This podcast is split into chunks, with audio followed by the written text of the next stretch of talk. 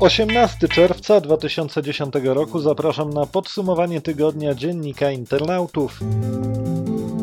Polska Izba Informatyki i Telekomunikacji postanowiła zbadać, jaki program teleinformatyczny mają kandydaci w wyborach na urząd prezydenta Polski.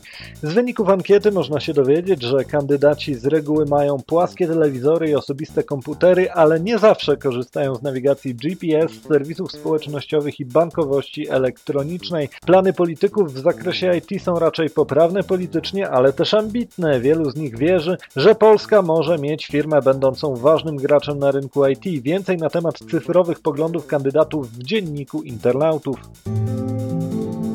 Od wczoraj rewolucja. Można kontaktować się z urzędami przez internet bez podpisu kwalifikowanego. Problem w tym, że tylko teoretycznie. Weszła bowiem w życie nowa ustawa o informatyzacji, ale nie ma do niej rozporządzeń.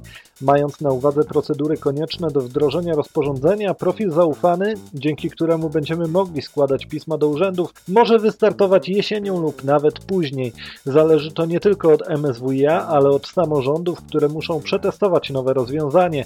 Poza tym nowa ustawa może wprowadzić nowe zasady dotyczące interoperacyjności, mówi też o neutralności technologicznej, ale w praktyce nie musi to oznaczać rewolucyjnych zmian. Od wtorku możliwy jest publiczny, bezpłatny i powszechny dostęp do ksiąg wieczystych prowadzonych w postaci elektronicznej, poinformowało Ministerstwo Sprawiedliwości. Na razie w ten sposób można przejrzeć do ponad 12 milionów spośród 18 milionów ksiąg. Przeglądarka ksiąg wieczystych funkcjonuje w internecie pod adresem ekw.ms.gov.pl. Można na nią również trafić z odnośnika na głównej stronie Ministerstwa Sprawiedliwości. Do 8 lipca europosłowie mogą podpisywać oświadczenie pisemne w sprawie akta. Oświadczenie to może sprawić, że Parlament Europejski jeszcze raz sprzeciwi się porozumieniu międzynarodowemu, które powstaje w niezrozumiałej tajemnicy i może wprowadzić cenzurę w imię ochrony praw autorskich. Stowarzyszenie ISOC Polska apeluje do wszystkich internautów, aby wysyłali oni e-maile do europosłów w tej sprawie. Niestety polscy eurodeputowani w większości nie kwapią się do podpisywania oświadczenia. Więcej na ten temat w dzienniku internautów. Wśród nowości rynkowych z tego tygodnia najbardziej efektowny jest Kinect, czyli technologia sterowania konsolą gier za pomocą ruchów ciała. Wcześniej była ona znana pod nazwą kodową Natal. Kinect jest urządzeniem, w którym znajdują się czujniki dźwięku, kamera i rozwiązania do wykrywania ruchu, które potrafią śledzić 48 punktów ruchu na ciele człowieka. Kinect jest w stanie rozpoznać twarze i głosy graczy niezależnie od ubioru lub wystroju otoczenia. Rozwiązanie pojawi się na rynku 4 listopada.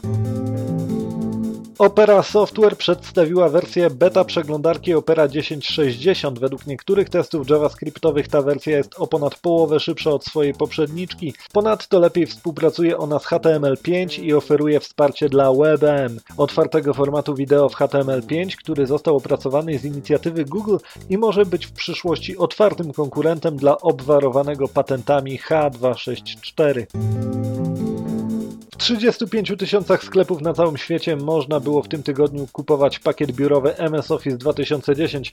Bardzo ciekawe jest to, że Microsoft zamierza wydać 80 milionów dolarów na kampanię reklamową nowego pakietu, z czego 70% w internecie. Czy tak znany produkt potrzebuje promocji? W rzeczywistości tak. Microsoft musi teraz przekonać klientów, że jest to ciekawsza propozycja niż OpenOffice albo Google Docs.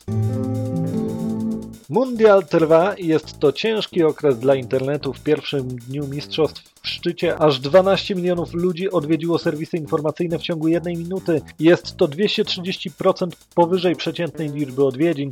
Taki wynik zanotowała firma Akamai, która pomaga największym wydawcom w dostarczaniu treści. Co ciekawe, mundial okazał się bardziej popularny od informacji o wygranej Baracka Obamy. W okresie mundialu ujawniły się też słabości niektórych mediów, które z powodu liczby odwiedzających musiały zniknąć z sieci. Tak było na przykład w przypadku brytyjskiej telewizji ITV.